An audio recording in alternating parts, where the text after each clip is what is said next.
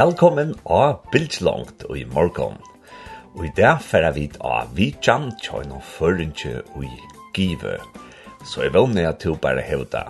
Ja, godt morgen, kom vel og skjønnsene, og du er klar, etla klarer, at lortet er en spennende samrøve.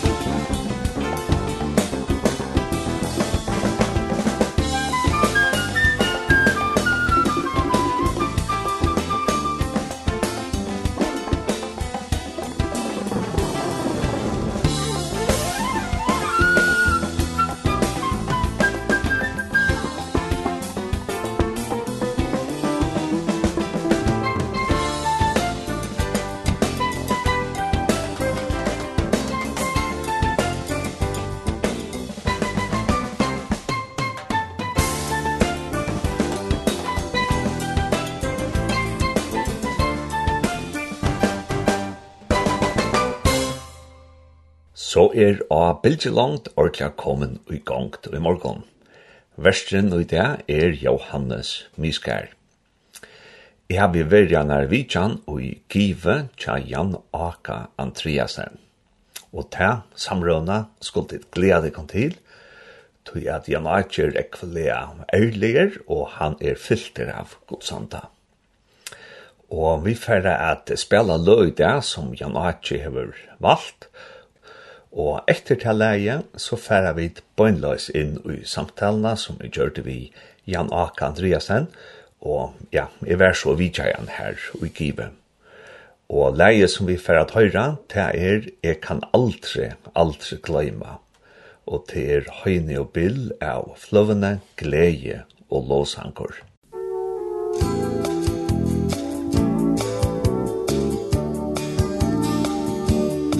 Jeg kan aldri, aldri gløyma Ta er fett privi god Vær og i klatur bruar skru. Tui er Jesus hei tru. Hun Une svarste røynsa vur Vær ui Kristi dyra blå Og han gav meg luiv, ja luiv Ui vi flå Nu er sann fast og fru Ur to bande hon vær bui. Naie saulen ljøs og brann. Bo e fri og hjärsta fann. Genji e ui de munde. Lunger han tar til tell og vær Sirje taunar brøyta vann Til bleie lær Jeg vil gein stinga fram vi Jesus. All lysens møll og løy Og mui trangdom skøyfte støy Lyfte stjøtnas løknar øy Kjøtt mot eia skoar Jesus. E han sutje som han er Kristi røyne klatning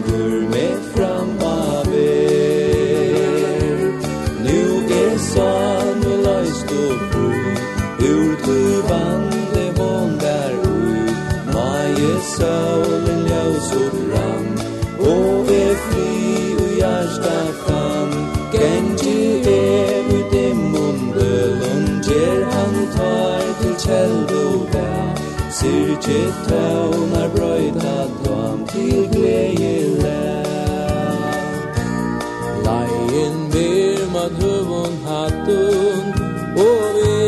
skugga del Full og glede utan tal Men til sus du himna sel Her skal vridleps fatu standa Og vi skal vera vi Hendan huksan djevu mer Ein selan fri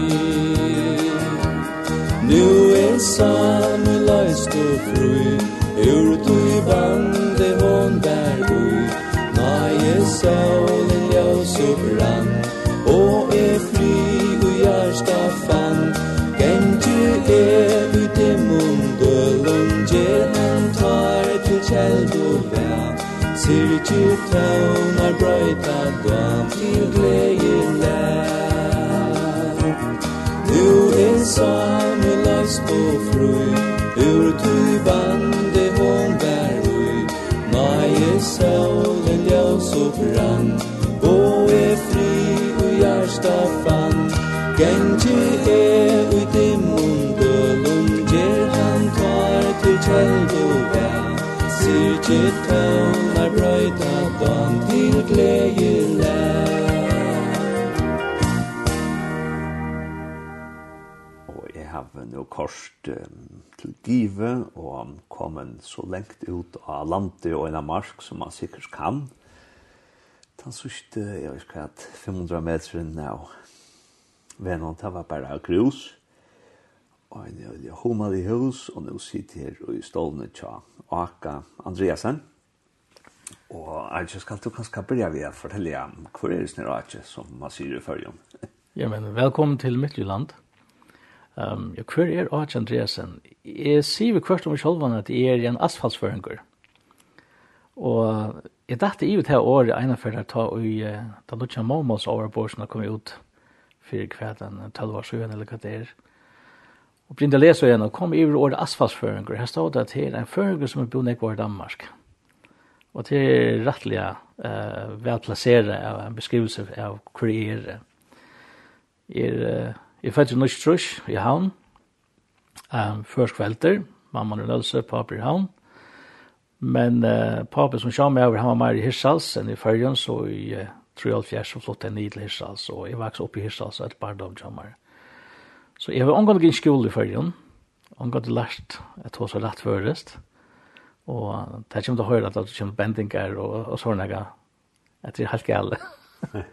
Men eh, tog jag värre så var det så, att mamma hon slår fast att vi skulle ta oss först hemma och tog, tog oss jeg sindte först om i det. Ja. Um, og så har vi så bo um, Simon Fyron ditt som skajon, Tøyer skajon i fyrjon, um, noen få år sen, men i halv til sammen så har vi bo tøtja år i fyrjon, av kommer og er tvei altså ikke. Jo, og ja, og nå er det så Linten og vi fra Søtten er det snakk om to årst pastor, men uh, tog en antall jeg søva, så nær er det omvendt og er det oppvaks vi ser trunnig og sånt er oppvaksen i en vantrykvande heime. går så år 80, omgang plås i åker heim. Fast hver så sånn mamma var rettelig uh, ill innan tryggvande. Hon har haft några ringa, ringa upplevelser som barn och som teenager av uh, hennes egna familj. Uh, så hver nøk var tryggvande. Og det gjør hon har størst hætur til kristendommen. Så det slipper vidare det upplärd opplært i eisen heimanfra, at hæta kristendommen. Uh, Jeg har onka interesse i nekka som helst for kristendom og gjerra. Men til jeg var 16 år gammel, da bestemte meg for at jeg ville flytta til Førjar, uh, læra hver jeg kom fra, altså hver var det. Jeg vekst opp i Danmark og ikke videre nekka om familie, så er man rettelig identitetsleiser. Så jeg flott til Førjar, og det var sommer i Kjeifors, og da jeg kom til Førjar, så gjett ikke lenger tog så var det trutja unga damer som, um, som møtte meg nere i Mibøynon, som kom på i uh, biltur. Man kørte rundt i rønkene i havn alt og frem og atter. Det var så stekelig hona litt, men jeg hesset trutja unga damer. Hver av ene damer bygger fast kjer giv i det. Uh, Anja, og så var det samme vi uh, Rott, Fjalsa og uh, Etna Josheim. Og Anja, hun heter Anja Petersen. Og var abba til Sigrid Reine. Og ter, ter, tror jeg rentene, ter begynte at uh, Bjørmar Vi til, uh, til møte i gymnasiet. Og først før når jeg bjør med vi inn, så, så, så skulle jeg, det sette ikke nægget, til, til sette bare skulle jeg, og det var første kveld, det klokka narkas åtta, og det skulle inn i denne jota bygningen, så stod vi med på innom. Jeg helt har luktes seg noen, Uh, biblioteket fra Halvfjersen i Danmark. Men eh, så en kveld så bjør jeg meg inn, og så spurte jeg hva et kafirgongs her inne. Hvor skulle det alltid av her, det samme tørspunkt og samme sted? Og så søtte jeg det skulle jeg ungdomsmøte. Og til jeg hørte henne her i kyrkja gjør, så sier nei takk, det er ikke for meg. Og det ble vi av bjør og det gikk flere for henne av bjør og jeg sier nei hver for henne. Og så var det en kveld til hver og jeg, det var øysande regn. Og jeg kjette meg, jeg begynte i norreste hottene. Så jeg kørte en tur inn i Mybojen. Jeg var ikke folk av ikke nærkast hennes, etter jeg var suttet kvöld. Knapt så sa jeg trutja rettelig vata unga jenter som gikk i rønkene nere i Kongabrunnen. Og det var det jeg trutja her. Og det gikk her utlukkan til det vana jeg at jeg fra kvarma, kvar jeg for boi. Og bjør meg møte jeg etter. Det hadde simpelthen gjørst medlem av misjonsmark. Bifirme og... Så det kom på, og Da det så bjør meg at jeg møter, så sier jeg nei takk at det, så sier den ene av dem, alvar til oss, hva annet har du gjør kveld? Og for første innførende så mekna jeg ikke sier nei. Jeg, var, jeg vil ikke slikke for dem, jeg var dumt der vel, men, men jeg fann omgang gav noen skyldning uh, som jeg kunne ligge meg bort fra, bare si at jeg skulle gjort annet. Så jeg valgte å komme vi inn i Ebenezer omtaksmøte. Jeg får inn vi øtlom fordommen framme i høtten kjammer. Så det eneste som jeg har sett av kyrkje løvnja mer, det var folk av folkekyrkjen i Danmark, som, uh, som konfirmant, og kanskje akkurat en sterk brittløp. Det var alt. Jeg har ångan interesse ut av, slett ikke. Så jeg kom inn, jeg var særlig ebeneser, og her sitter alle sier unge mennesker her, flere hundre her. Og det som slår meg aller mest, det var uh, togleikeren, det var country.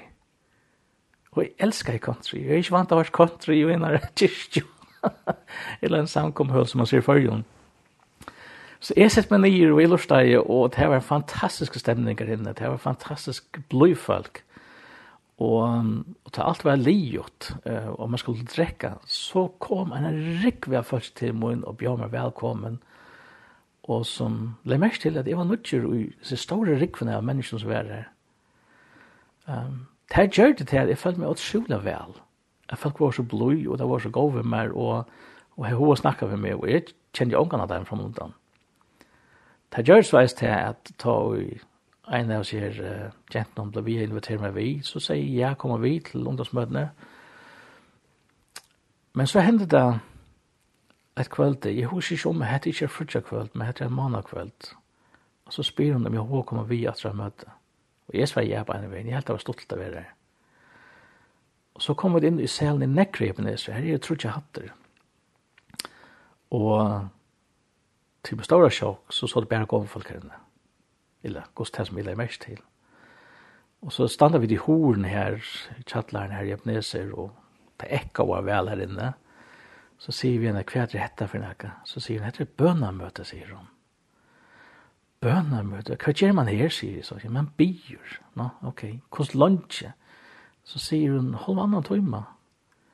Og jeg var så kjelkavur at jeg røpte hardt i horna hold annan tøyma til ekka var jøkken atlan selen i Ebenezer og etter så kom først det ventet seg om og hukte et jeg synes ikke etsli et mer i horna, og hva var det jeg kom her og gjør det, gjør det larm her i årene, og, og, og det var Rutt Fjalsa som hev med vi, og tog meg i armen i fyrsta stålen innenfor horen, og var så flå av meg. Men uh, vi så det her så, og det var det mest åvensamt å møte noen som vi er til, er sånne i flyerferdene. Og så er det, det hittir klokkene, og så er det vi narkast, halvannan tøyma. Og jeg setter sporningen, hese mennene som reiser seg opp av bia, det er bia i fem minutter, kanskje omkring bare 20 minutter, altså. Hva sier det i bønene til oss at det er stand her? Jeg har unga lurt etter hva du sett den. Så jeg bestemte meg for, nå var jeg kanskje bare tørs mot etter en møte, nå vil lurt til den sørste mannen, hva han får sige. Og det visste seg å være en pensjonera over murameister som er at uh, Thomas Krog, som i 17. fann det til å være en brennende evangelister, som tjekk vi uh, møtetrataten og ut i det ruske baten vi, vi trataten og forskjellt annet. Han øyler ugen for herren. Og han ber en bøn som leiter med til Jesus. Og jeg elsker å fortelle om det bønene. Det var en prætika i seg selv for det. Bøn var liksom bort opp i trutja parster. Den fyra parsten av bøn, John, her hola til han atter og tøyene og åren han møtte Jesus i sin egna løyve. Og öll åren som han brukte om sitt egna liv, meg som en hemmer, tog jeg tenkt, hatt er mye liv han beskriver det her. Det var tømt, det var meningsløst, det var innhjallsløst, det var ikke lukka ut, det var ikke glede ut, ja. Og eh, altså, på ta var en tørspunkt, ta var jeg alkoholiker. Jeg drakk som en svin, um, tog mildt stoffer og alt mulig, og, og det var det som jeg kjente lovkjømmer jeg følte meg bare så atter og i tog som han sier, i bønene til oss Och Og så får han herfra inn i den midteste parten av bønene, hver han beskriver jo i bønene hvordan han møtte Jesus, at han ble frelstor. Han finnes vel i år, hørte i året frelstor, alle finnes vel. Og, han beskriver hvordan fantastisk det var å møte Jesus, å få denne her bilen, denne sinten, vaske av seg og blå regn atter og byrja av nudjon i sånn løyve, og så får han inn i tredje parten av løyven, så var en kontrast til den fire parten av bønene, at nå var løyve fullt ved mening, vi innehald, og vi glede, og vi alt det som han ikke hei åren. Da vi så får ut fra bønamøtene, og jeg skulle køyre ut til Norrsta Håten, sammen vi sier Rott, som eisen på ut av Norrsta Håten. Vi kom halvveis her som krossveveren var. Og finnes ikke langer i det.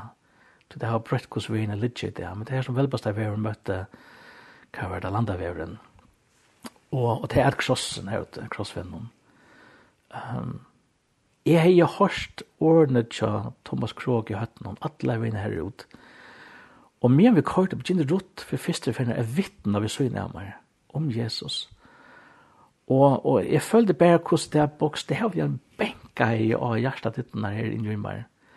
Så da vi kom ut til krossveien, da stekka jeg bilen.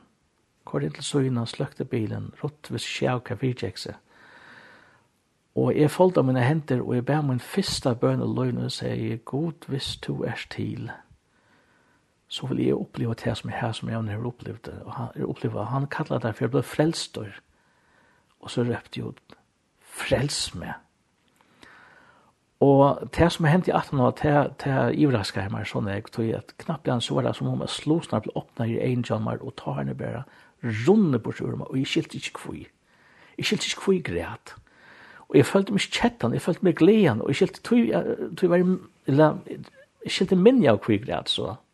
Jeg følte meg, følte meg så gleden.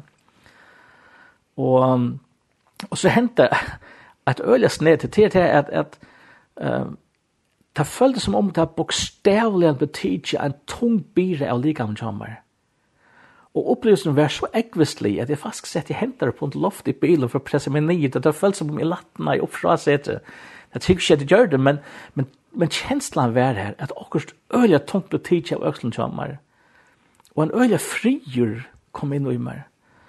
Um, og jeg hukte i rått, og så sett rått bare og græt der, og løten var så intens. Så jeg kørte ut av Norrstaten og overfor inn til omma opp meg som bor her ute, og det var tryggvante. Um, og jeg, jeg var vann ved å komme inn og breste han inn så kameran og kveld og vakta i min jeg fotler og sånn at det var stå. uh, appen min var rett og slett trøtt av Så jeg gjør det samme etter kveld. Jeg brast inn i sovekammeren til det var en sång, og jeg røpte inn av hovene. Jeg er frelstor! Og Abbe sier, ja, ferdig sång vitt der. Men omma hørte at okkur var øvelsen av malen kjømmer.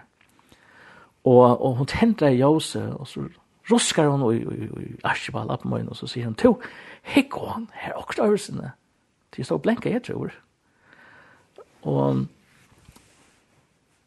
vi kom, til kom opp i sjansene, og, og, og vi så det prate alle nattene om at her, hva du sier, vi kom til seg, hva det betøyt, og det er så veldig vel å greie fra siden mer enn noe greinlige enn til vi, og jeg har skilt her til.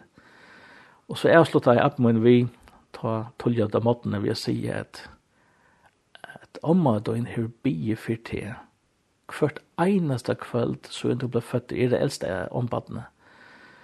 Og jeg gleder meg til i kveld å høre en annan bøn, en tannbøn. Så jeg er helt der var vanligst å be bøn, jeg var så omøvelig. Um, og det var en annan bøn, en annan bøn som kom til kveld, det om å takke i fire. Han fikk bønnes for at nå er han år. Så største jeg mot andelige lov.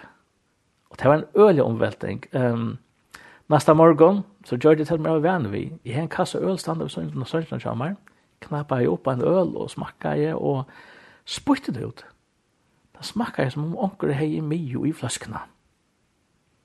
Jeg fest jo i sigarettene kjammer, og det var som om okkur annet gjør okkur andre sigarettene. Ikke det var gæli her, det var gæli fløskene, så jeg tog henne nutja, jeg tog henne tri, jeg tog henne fjord åpna, det smakka öll lukka illa. Jeg får fra fløskene, jeg nærm ikke alkohol, og jeg vil tjei år 18 av det. Det her vi tar man kallar for at balansera uh, uh, forhold forhold til det. Uh, jeg har alltid skarft av å være berusar av alkoholen Og, men, men, men uh, jeg, var, jeg var grøtter av stenen fra alkoholismene, fra stoffene som jeg tok um, og begynte jeg en nytt liv. Og så så det var lukket så gjerne. Fantastisk, ja. Ja. Det kostet jeg snakke Jeg ringte på en av en mamma i Danmark, og fortalte det til at jeg kom trygg, og, og hun visste det på tøytet eh hos mig rör jag. Jag huxar jag tar det så ofta så så kvar samband med för Danmark tar vi först någon. Så jag ringde upp att när och ta det ta det enkla batchen som tar telefonen och han jag säger vi han är frälster och han beställde år betydde så jag förklarar vad det betydde. Han sa sista kommentar var vi tåsar inte vi religiösa fanatiker i hesten huset. Och så smäcker han rör jag. Och det jack i och för och mamma min vill tåsa med mig åter og vær så ytl at jeg kom til trygg. Uh, det er hun kanskje aksepterer det, men hun har ikke, hun har ikke livet for kristendom, stadigvæk. Til, og, og, og til å si at til røkte arena og at skaretten er smakka av og ytla gavst og så vi er røykjøysene. Alt. Alt. samme det, samme nåt. Ja. Alt stekker jeg her. Ja. Um, Og det gamle vinnere kommer som vi heier, som det skilte ikke hvor at jeg var så brøtt over fra en del til en annan.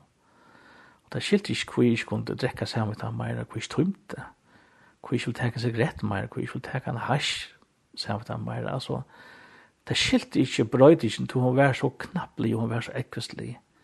Og jeg kunne ikke forklare annet enn å si, Jesus brøtte meg, og jeg, jeg kan ikke annet.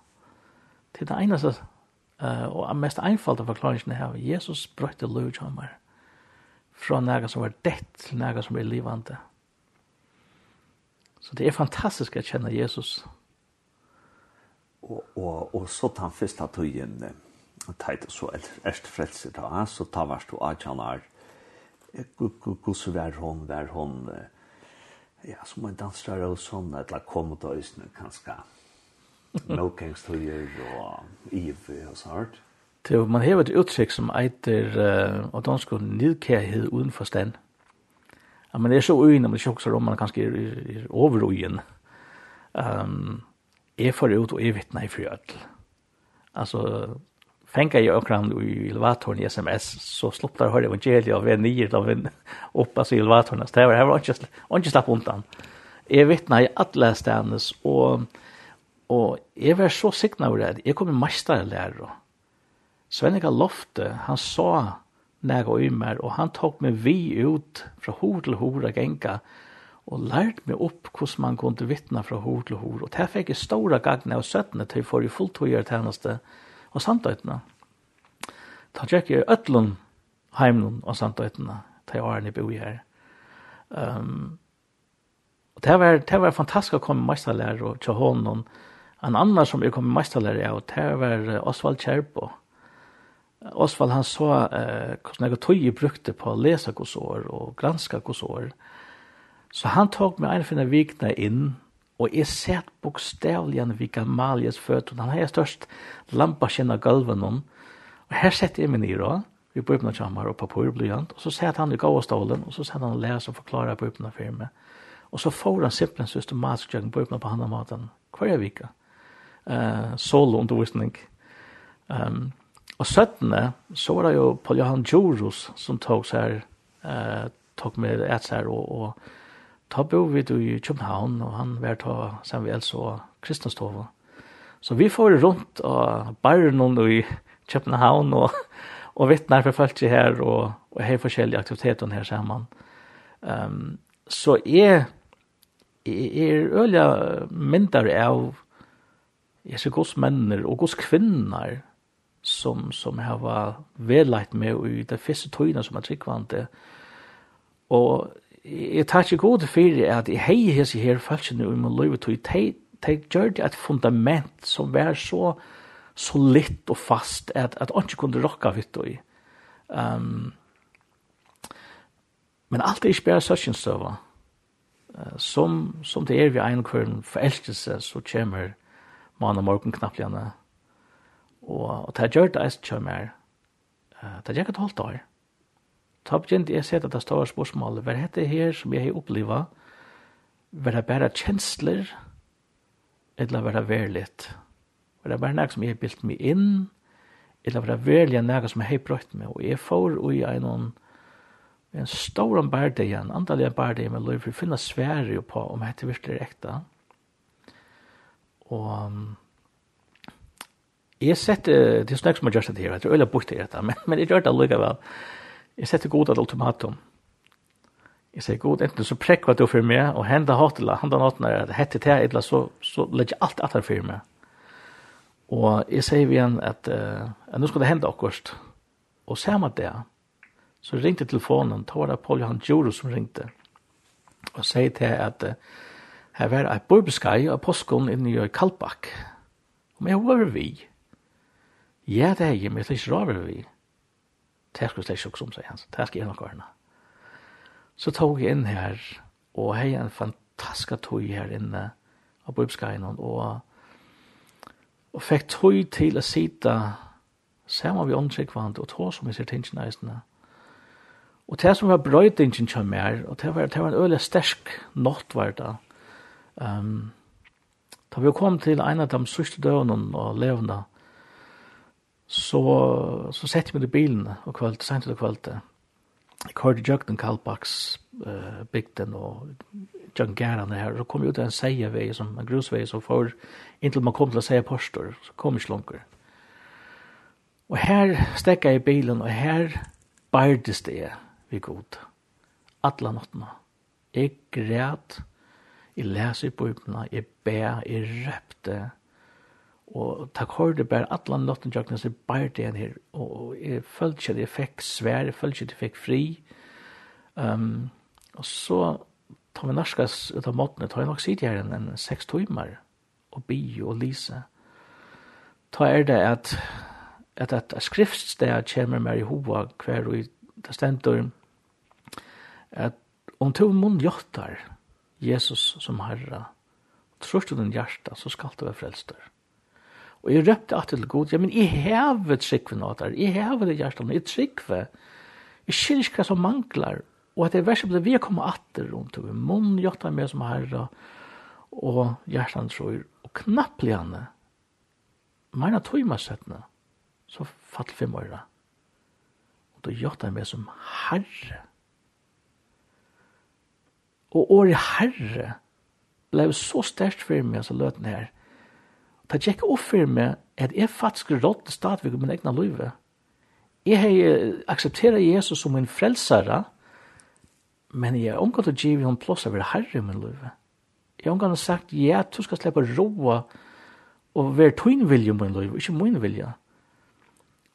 Og ta i vi gave alt liv til, til Jesus. Jesus og ikke bare salmøyna, men alt løy kjammer.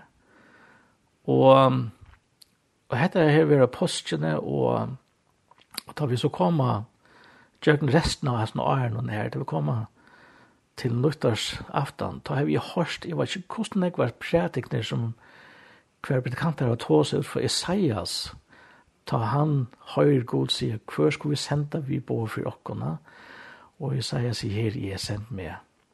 Um, og vi sunket da, vi sank noen nesten hver eneste møte, og da vi var sammen, æresland, så hørte jeg det her verset ble resiteret om at, om at, og nå er det kanskje sin design i oppfællelsesevne, men det skulle ikke engang holdt halvt er Arne Skiltka god, han mente vitt han ville bruke meg, han ville sende meg, og så nyttårsaftan, um, i Nutsjofors, um, Åttofors Nutsjofors, da pakket jeg bilen til meg, gittaren bagasje, med koffersbagasje, sett min, sier god, nu färje, hver skal jeg fære?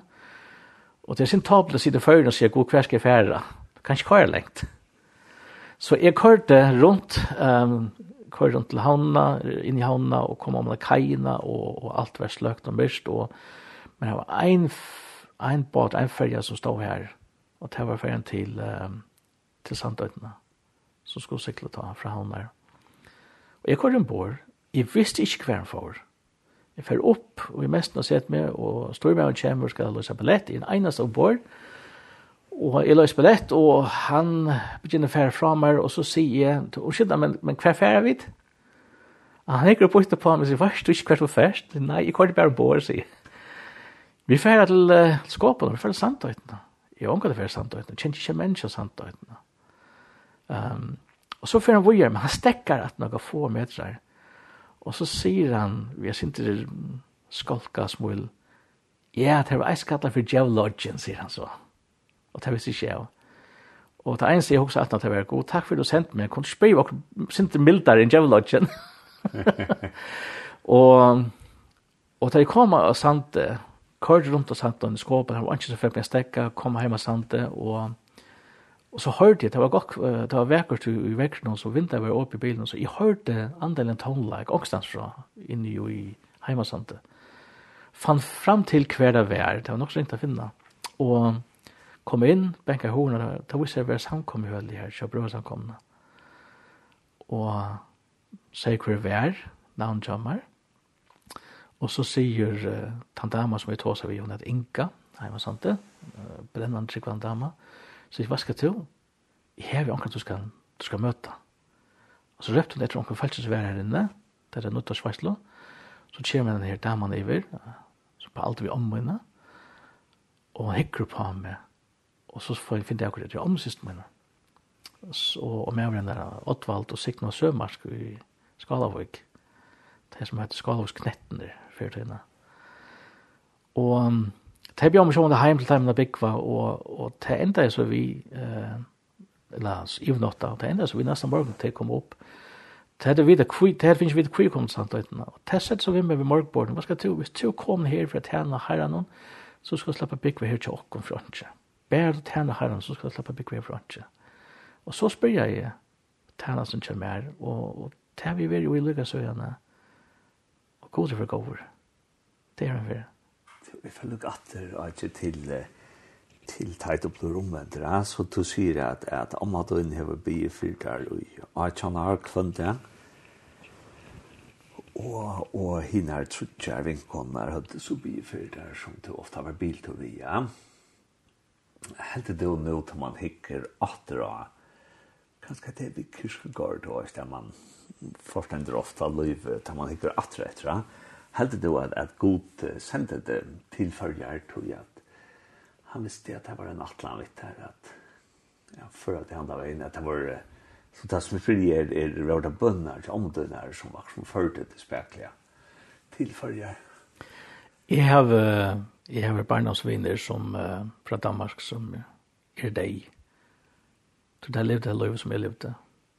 Jeg har uh, viner i følgen som er deg er deg, at du der helt jo avfram av livet av livet som jeg levde, er ikke i iva om at god høyre bøn, svære bøn, og bøn flyter fjøtl. Ja. Og man pleier å si at hvis ikke, hva sier man sier, hvis ikke Mohammed kommer fjøtl, så må fjøtl komme til Mohammed da.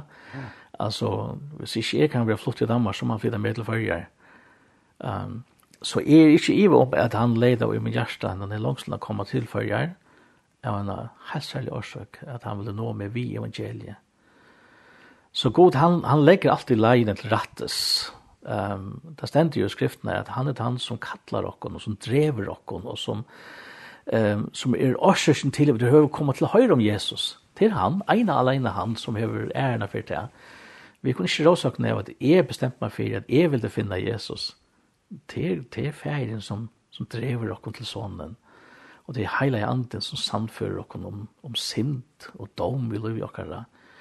Og alt dette opplevde jeg da jeg kom i Ebenezer etter kveld til her. Uh, da jeg hørte Thomas Krog bia. Ja. Hver ferien var til arbeid, og sånn var til arbeid, og hele anden var til arbeid sammen.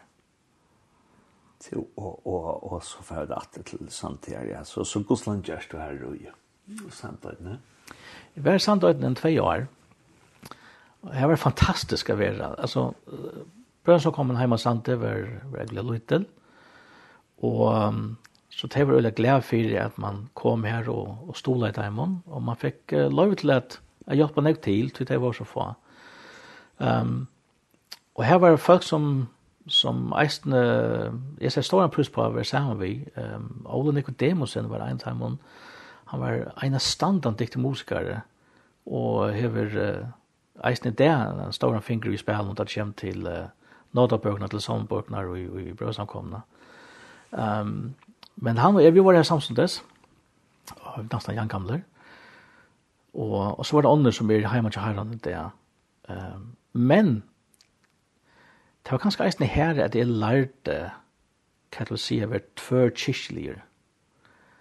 Tog jeg at uh, kristensamkommene i Skåpen, uh, Betania, um, det ble mot Annaheim, minne var der. Det var bare et møte og heima sante, men så var det noe annet som var tja, tja kvissens ankomna, og de tog så utrolig vel imot meg. De visste vel hva jeg var samtøytene, og det tante ut fra brødene, men de var så ølige blod og åpne for at jeg kunne komme her og være til time reisende, og tjene her reisende.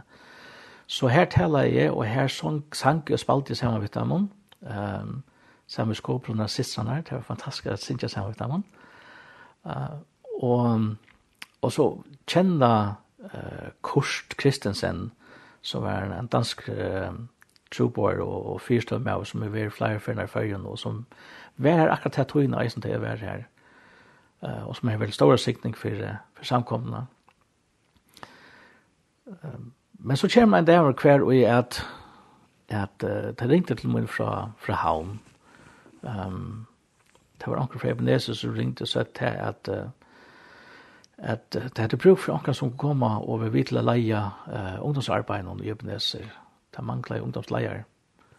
Og vi kunne huske om jeg kom til havnar. Og jeg har bare en bøn. Og det var at hvis jeg kom, så skulle det være i samstarv i Høgne Andreasen. Nei, Høgne Johansen. Høgne, han, han er vi vår beste viner. Og jeg visste hvordan jeg kan brente for Jesus i hjertet noen. Og så øyne var for at på evangeliet, så skulle det gjøre det, så skulle vi sammen i honom. Så vi var et, et team her. Og det gjør vi så. Og, og så kom vi så atter til, til Havnar Vera. Og her var det så inntil januar 91, kreppa man kom inn i førjer. Um, og som så mange andre så flott jeg eisen nyer, um, og ta flott jeg til København. Og så ber jeg en nødt kapittel og nødt kommer her. Og så får vi fram til deg og det av til nekk vi kom til å prate om, men, men nå er du så pastor i en er baptistkirke i eh, Give, ja? Ja. Det er, da jeg kom trygg vi før, da var det ikke vanlig å bruke året pastor. Det, det var et, et år man nesten så nye på. Um, jeg, jeg var i København i en, en 3-4 år, og så ble vi sendt etter er og konan jammer. Vi ble sendt som troboer til Norra eh, fra Kristianstove og, og vi samfunnet sånn fra, fra Førjon.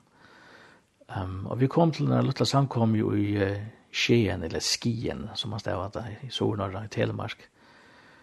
Og her gikk ikke lengt tog, så begynte uh, eldste røy i samkomna kallet meg for Pastor Jan. Og det var første ferden jeg hørte til, og um, Og det byrjar innan nødja lusla i kjammer fra å være evangelisteren til å være hyren. Og det er jo så først visse her, lukket sånn ta, altså, jeg var så fyra år fyrst med over i Norra, um, kom så nye til Hirsals og var i Malta i en tve år, plus til fyrjar, uh, svever mor kjammer hun la uh, sjuka og kreft og la til å dødja. Så um, flyttet hjem 2000. Og så var det heim i tvei år, hver jo i vitsa i samkomnar og tala i og verden jeg så repta, uh, tvei årene. Og det var det som i årene kan jeg eisen være samskipper i evangeliske røttene. Det var to som er gjerra utvarpssendinger og røst tvei og, og anna. Um, og så kom jeg tørspunkt hver i at uh, uh, han uh, han sjálfur i Grønland, Siversen Hans. Eh, da kom et tidspunkt då i Hans Siversen i Grønland, han eh, var av Vitsan i Färjön, eh, konan hans var verkligen sjuk och han kom spår om jag huxar meg, och kom jeg i avlösare enn två år i Grønland, vi nog. Og det sett vi ja til, en færre iver, og jeg løse. Og var her i tvei år, kom hjemme til fyrre. Og så var jeg i fyrre år inntil 2006, hva flott nye å lese til lærere. Takk til jeg skulle prøve og meira enn en bare hetta. Og så tog ganger så endte jeg så vi eh, konen kommer, hun for fra meg i 2004. Um, og så var det at jeg møtte en ære uh, som er konen kommer der, jeg møtte i 2013. Um, hon tjekk i en baptistakirke i Aalborg. Og tannveien kom inn i baptistakirkene i Danmark. Og vi ble så gift, Jan var kyrsten, og så ble stått at nå begynner man å komme til baptistkirken i Vrå i Norrfyr Brenneslev, i Norrjylland, er være pastor her. Og det sette vi så ja til. Vi var her så en tvei år til en rettelig stor samkomma, noen hundra folk i, og Og så ringte jeg knappt igjen en dag fra Give. Og um, de spurte meg om, jeg kunne huske meg komme om han her av er fyrste med over. Og vi tog så, uh, og vi tja i henne det, en, en sundag, og her sa det seks folk. Og det vi ikke visste jeg, det var at det hadde bygget god om enten at de stående samkomne, det orsker ikke mer, det var eldre folk, og det var, det var ikke nek lov etter. Og det hadde bare møtt andre er hver viko. Um, et eller så skulle det bare på den kalt nøyt. Han nødt som. Og det ringte så til morgen og spurte om jeg kunne kokke som å komme om han her, og vi kom om han vidtje samkomna, og vi uh, fra heim, og vi søtte pent nei takk. Uh, her var så nekva gjerra oppe i Norgeland, uh, og vi samkomna her, det var så øyla nekva gjerra. Uh, Men vi fikk ikke fri, og hjertan er jo til svære. Så gikk det noe holdt der, så ringte vi det at og sett, nå må vi bare si ja. Vi følte virkelig som det var god, han sier vi jo kom fær. Og vi kom om han her, til nå seks år siden, her i september. Og vi startet med seks folk, og i det så kom vi sitte noen tredje vi har møte, og her er fra pink og små bøten og alle venner opp etter til pensjonister og alle atelier her. Um, god hever sikna samkomna, god hever sikna verste her, og vi er negv som tjener sammen. Hva er kanskje skil med negv bortsett fra uh, kanskje flest er pastorer til det at jeg, jeg er ikke en einmannspastor. Um, min høysoppgave som er sørste til er at vi er hyre for samkomne, at undervise samkomne, og at stola öll hine og tæra nøygavun, så det her finnes vi her annan. Så jeg gjør nek på sjur at oppmuntra hine samkomna, jeg så ikke det her var nøygav, og det her var at hova tæna Jesus, ja, men så, så skulle det stolas i tjøknes det her, og så ikke som til er herrens vilje og løydare. Så vi blir en øyla sikna i vi det var vi har nekva tonleikar, vi har nekva sangar, vi har nekva talarar, vi har nekva tænande henter, altså, og ta, ta vekser. Um, ta jeg var innsetter i samkomna i Giva, i Giva Baptist Kyrkjan, så kom uh, generalsekretæren Flikvand uh, fra Heimtjons her, Barn for at vi er vidtlig innsettende. Og hon, um, hon sier så løsner her, ta hon helt annet tal i åren, uh, og han er innsetter, så sier hon, og hvordan atla to her er for hesa samkommer at veksa. Hva er strategien? Og vi er så kjøtt at hoksa i strategien. Jeg får opp, stå og stille når det løte, og så sier jeg at de ikke gjør nækka. Da jeg leser i munnen munnere Bibelen, så stender jeg Jesus sier selv, jeg skal bytja munnen kyrkja. Og rydde Det er rujtjes uh, skal ikkje få tema halda honom. Jeg skal bytja mun kyrkja. Og jeg sier hatt i mot svær. Jeg er her som en håndverskar i Guds arbeidsbaltje. Jeg har jo ånga strategi anna enn at leta god bytja samkomna etter hans rette. Og det ble til, til, til motto i tja okkon. Um, og ætlun som vi sendte ut så stendte Gio Baptistkirke hvor Gud bygger kirke. Det er Gud som bygger, det er Gud som gjør alt. Vi er bare rampo i hans henter. Um, og det har vi det best vi. Og det er nok så befriende, ja, at, at ja, vi tjener Guds rydde, men, men til han som, som gjør verst, ja. Jeg skal ikke oppnå noe, jeg skal ikke leve opp til noe særlig... Uh, salgsmål. Jeg var selv med over den hver reisen. Man skal leve opp til noen salgsmål hver måned, og man skal da 20% bedre neste måned. Jeg skal ikke leve opp til noe som helst annet enn bare si Jesus sier jeg, sendt meg. Og så skal han nok sikkert for utslite. Det er god som bygger, og ikke vidt. Det har vi det aller best vi. Altså, jeg, jeg minns ta, som unge tryggvande, jeg, jeg kom til å frustrere over iver at man stender og, og, og talar evangeliet, og, og folk vil ikke høre, vil ikke takke og ta venda rigent line og alt det her, og jeg følte liksom jeg var et, et mistak, og dumt ikke, inntil knapplig en en dagen, ta jeg selv lest de årene, at Jesus sier det her, men eisen tar det stendet at det er heilige anden som sannfører om syndedom, det er ikke jeg som skal sannføre ånder om syndedom, jeg skal bare bære påskapen fram, men heilige anden sannfører om syndedom, så jeg har, jeg har rønt å gjøre gods arbeid. Og det var skreft. Jeg skal gjøre mitt arbeid, jeg skal ikke gjøre hans arbeid. let, let, let fein løyve til at bytja samkomna, let heilig andre vært han som løyve til at samføre mennesker, let, let det eneste som jeg gjør er at av Jesus og peika krossen og Golgata, hver menneske kan gå for, fri. Um, det var øyelig befruade, og det tok en rikve av byra min økslund, at jeg skal ikke prestere, jeg skal ikke leve opp til noe, Det er han, han, han som gjør arbeidet. Ja, og så hvis vi færre, nå er vi i 2022, og nå skulle vi råkne. Hvordan gjør det nå til å være givet nå? Seks år. Seks år, ja. ja. Så så la jeg spørre personlige tjaterne og antallet, ja. og kanskje hittjant inn i fremtiden, hva du også det så. Hmm. Til, um, Jeg ble sjuk for en annen så igjen ved korona. Og alt som korona har lært meg, til å ta en dag sen. Jeg kan ikke planlegge.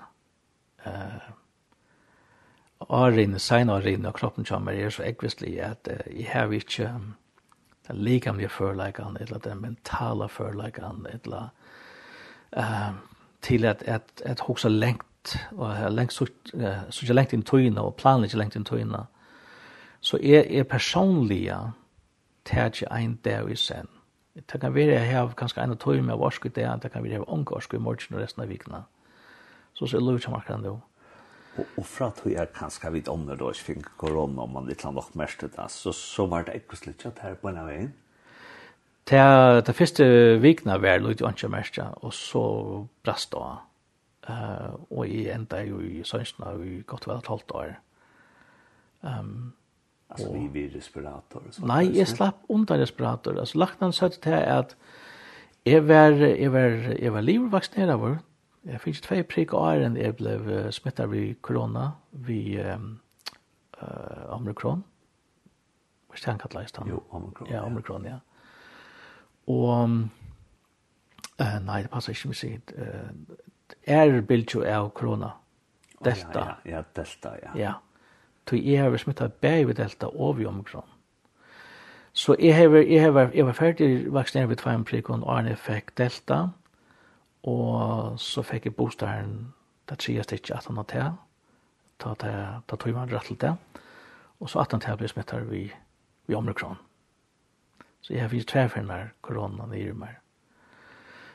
Og, og lagt han over pura greit og sier at hvis ikke du har smitt, uh, hvis ikke du har vaksinert og æren, så er det litt respirator. Jeg har tro på like av lukt om æren, astma, og uh, til sett til at vaksinene har bjerget meg fra liv i respirator, og var enda i koma. Og til er takksamme for det, glede for det, at uh, at man ikke ender i, i respirator. Jeg, jeg, jeg kjenner fast som det ikke ender i respirator, og Det er alt annet stått til for familien og for teir og noen. Så jeg slapp boi litt, halte jeg selv. Ja, og, og det var ikke, ja, det er til å si at du måtte takke øyne der sen. Og, og er det, ja, jeg vet ikke, er det, er det spurningar man spyr seg som hva vil god vis er snær, og hva skal det reka med? Jeg setter aldri en spurning som hva hender ting vi bedre at det er en leksje jeg lærer rett og slett i i andre lønnkjømmer. Jeg, jeg vet det er andre folk som, som, som fettla og, og får knust trønna på hans borgen her. Men, men jeg lærer rett og slett og jeg har aldri også vært kjærbosa er at jeg fikk tellast inn at alt ligger i gos hånden, uh, lønnkjøkken, fra å er vi ble født, og alt lurer med livet og hva som skal hente i framtiden. Kvile i han, kvile han, han veit hva det er best og hva som skal være, og ikke kommer ut der som ikke han er atla skal være her. Så jeg har lært meg at alt som hender i løven er, ein en skola. Det kan godt være jeg alltid at undervisningen der er kjelig, ja. men hon er der for at jeg skal klare en eksamen som kommer 17, ja? Ja. Og, og her er det enda mål vi at lære til som man lærer av vi. Så jeg har lært av livet etter denne reglen her, at alt som vi opplever er en leksja til å klare at han røynten som kommer framfor meg. Um, og jeg har opplevd nekka finna løgn om hva jeg har opplevd her av most og her av sjukdom eller andre ting som virkelig har som jeg har røynt å knekka med og, og vi går hjelp her vi klarer jøkken det og at han nå så har vi klarer å kunne hjelpe andre mennesker som har steg i sånn støv og knapt så skilt de er og kunne vise samkjensler vidt dem som det stender å gråte vidt dem gråte og gledes vidt dem gledes ja. Um, Jeg tror virkelig god han løyver okken for jøkken ims ting og løyvnt fire vi skulle kunne være nægge for andre mennesker at han nå. Uh, vi skulle, vi skulle utbyggvast, vi skulle røgnast, og skriften sier til at det er jo i trangton og i måstøvende at du får karakter, at du får rikrat, som man sier i danskene, altså. At det kommer um, manndommer inn i utar, altså, at det kommer røgnton noen. Ein som omgått har haft røynt i lunch, altså, veit ikke hva det er at, at, uh, at jeg var rad til andre som stand i røgnton. Um, Jeg har haft nekvar rønter. Onker har vært sjål gjørdar, det har vært sjål tag ærna fyrir det. Og onker har vært hver god har vært lagt imiskar uh, rønter alene kjammar, fyrir at uh, styrkja meg, røyna meg, og um, jeg elsker denne her mynden som, som er brukt om godsmyen, tog at ta året er røyna, ta røynta, til er det samme året griskon som er brukt for den eldren som er under smelte dealen til Goldsmyrna, og desto heidere det ver, desto meira kommer overrenskene fram til ivflatene, og så tar godsmyn og skrever av slatje, det svarta som ligger, ligger om henne, og til ikke kommer langer til ivflatene, så er det fyrir jo kralt godt. Og til her god innskje vi skulle narkast, mer og mer, så vil lujtja sonur hans av Jesus Kristus, det reinaste, det reinaste, det nekst lakker vi mer enn, det nekker årensker mer enn, så her nok nekker hit, som skal til enn, Men men där kommer det här så ska vi stanna samman vid Jesus i himlen och och vara som han och som jag med. Ta Jesus kommer. Och och och att likam det jag helt då Inte så super ut där. Inte så som helt kan man säga och och antalet det rätt till att läsa om. Och då säger att en läxa som god är och för vi har lärt att det tacka och inte har vi sett att at jeg vil ha det noen i det, og takke god til, og vite hva man kan gjøre det.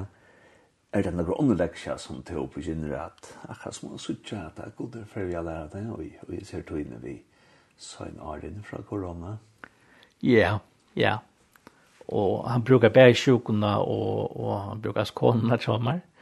Det var så här, imska rötter man kan få i, i lönen som ser förnuftigt ting till en. Um, det ser ikke ut til at, at jeg kommer få en helseatter som kan være 100% i arbeids, eh, arbeidsfører. Så jeg skal lære at livet vi tar orsko som jag har, tar krefter som jag har, tar, tar evne som jag har etter, eh, at den ser sjuka tog ned. Um, Lagtene har langt sagt nå at uh, kanskje jeg kan få 30% arbeidsorsko etter, kanskje jeg kommer jeg omgå til arbeid etter, Um, och så kan man bli motfattlen och begynna gråta ut hem, men, men hinvägen så sier bara, men god, du har en atlan vet du. Det er mening vi at du vil ha at det ska hente i min liv och Jeg har er, er, er flere omgang under lønne som er nødt til at når sjuka lever at lære at livet fra at man var unger og alt var 100 og så skal man lære livet i 40 og så skal man lære livet i 70 Og i det her er sånn er jo, og holdt 30 til å minne, uh, er jo hva det var før fire for 30 år siden.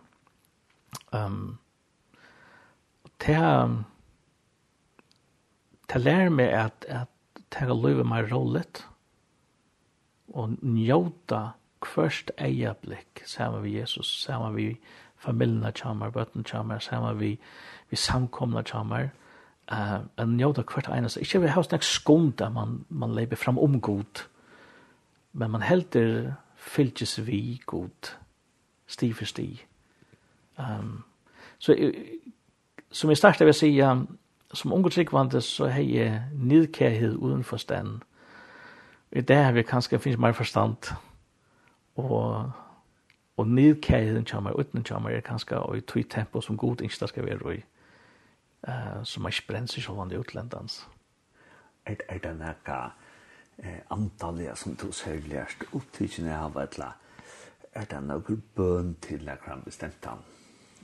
En løkka tja god som hjelper der jakna nessa inne. Du drar en sniv om at du forteller og det grøyte at at at hun var kommet ut og så ringa støve vi vi søgnaren fra korona at det setter til personlig på, på prøve, men, men at at her to hevur tunna gudstrygg ger at to faktisk klarar at at tross alt finna við jøkken da. Eh? Og og er det så ja, er det er det naga selja bøyna sum talan at til tøin. Just at fiske at klara at selja bøn til byr sum sum lukka sum to further heldur der oppe.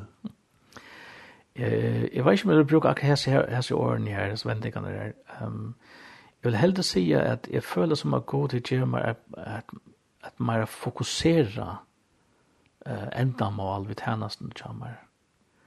Kvar man fyr kanskje hever bei med listor och låsangsleiare och och troboare och, och bibellärare och og, och, man var alla paletterna så føler jeg liksom i det til meg at jeg smalka inn til å si, ja, men ta årsko som du hever brukt her på hetta.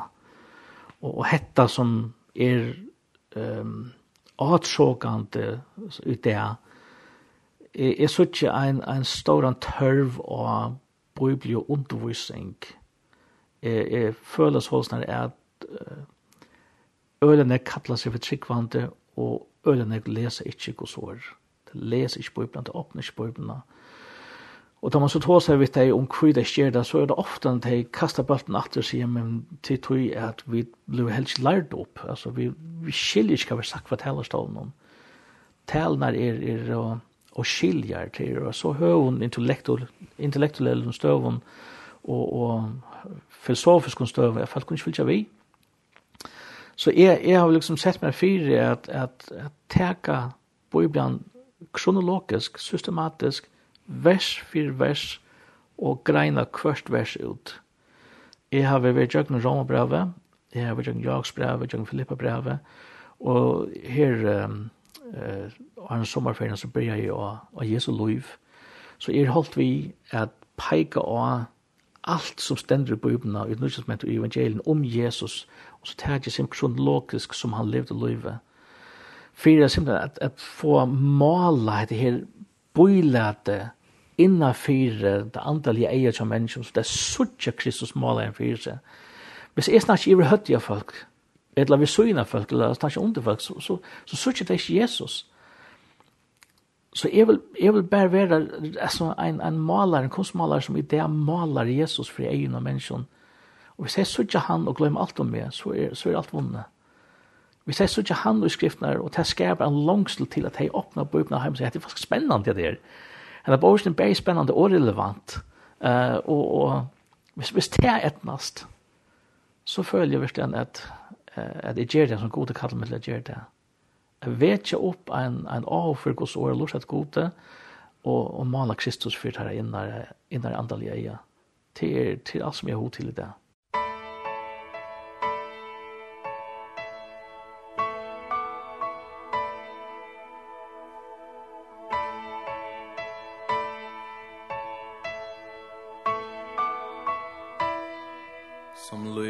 bøn Vit frødust jola måtni a. Vid gavur fingo ta. Ta gleje bær Men vit du ei til fullnar Om ta bad nøy ta vær før Tu størsta gavan djevast kan ta givin vær.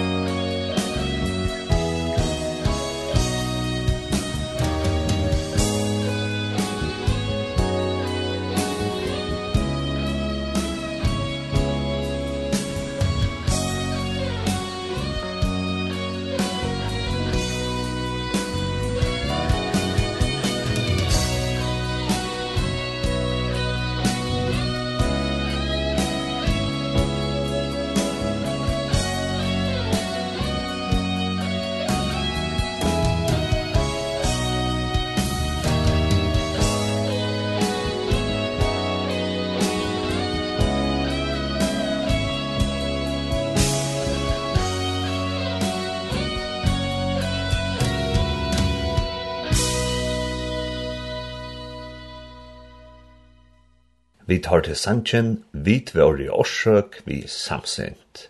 Og hetta leie heie Jan Aatje Andreasen valgt, han som vi tar til henne vi. Og hetta var så og a sendingsene og bildselongt i morgon. Henta sendingen vil enda sendt i kvöld klokka 19.30 og i natt klokka 4 og atter kommande leierdag. Henta sendingen kan òsne høyra som potvarp, Det kan suggera Spotify, etla Apple Podcast, etla hver enn du lustar etter podvarspe. Og hvis du finner bildje langt, så kan du trusta eina klokke, så løs jeg hver jeg fer et nytt eh, episode, en nytt episode der kommer ut, ja, men så først du en notifikasjon om at nu er en nytt samrava fra av bildje langt kommet ut. Men heve en valsikna jeg det, ødel sommer.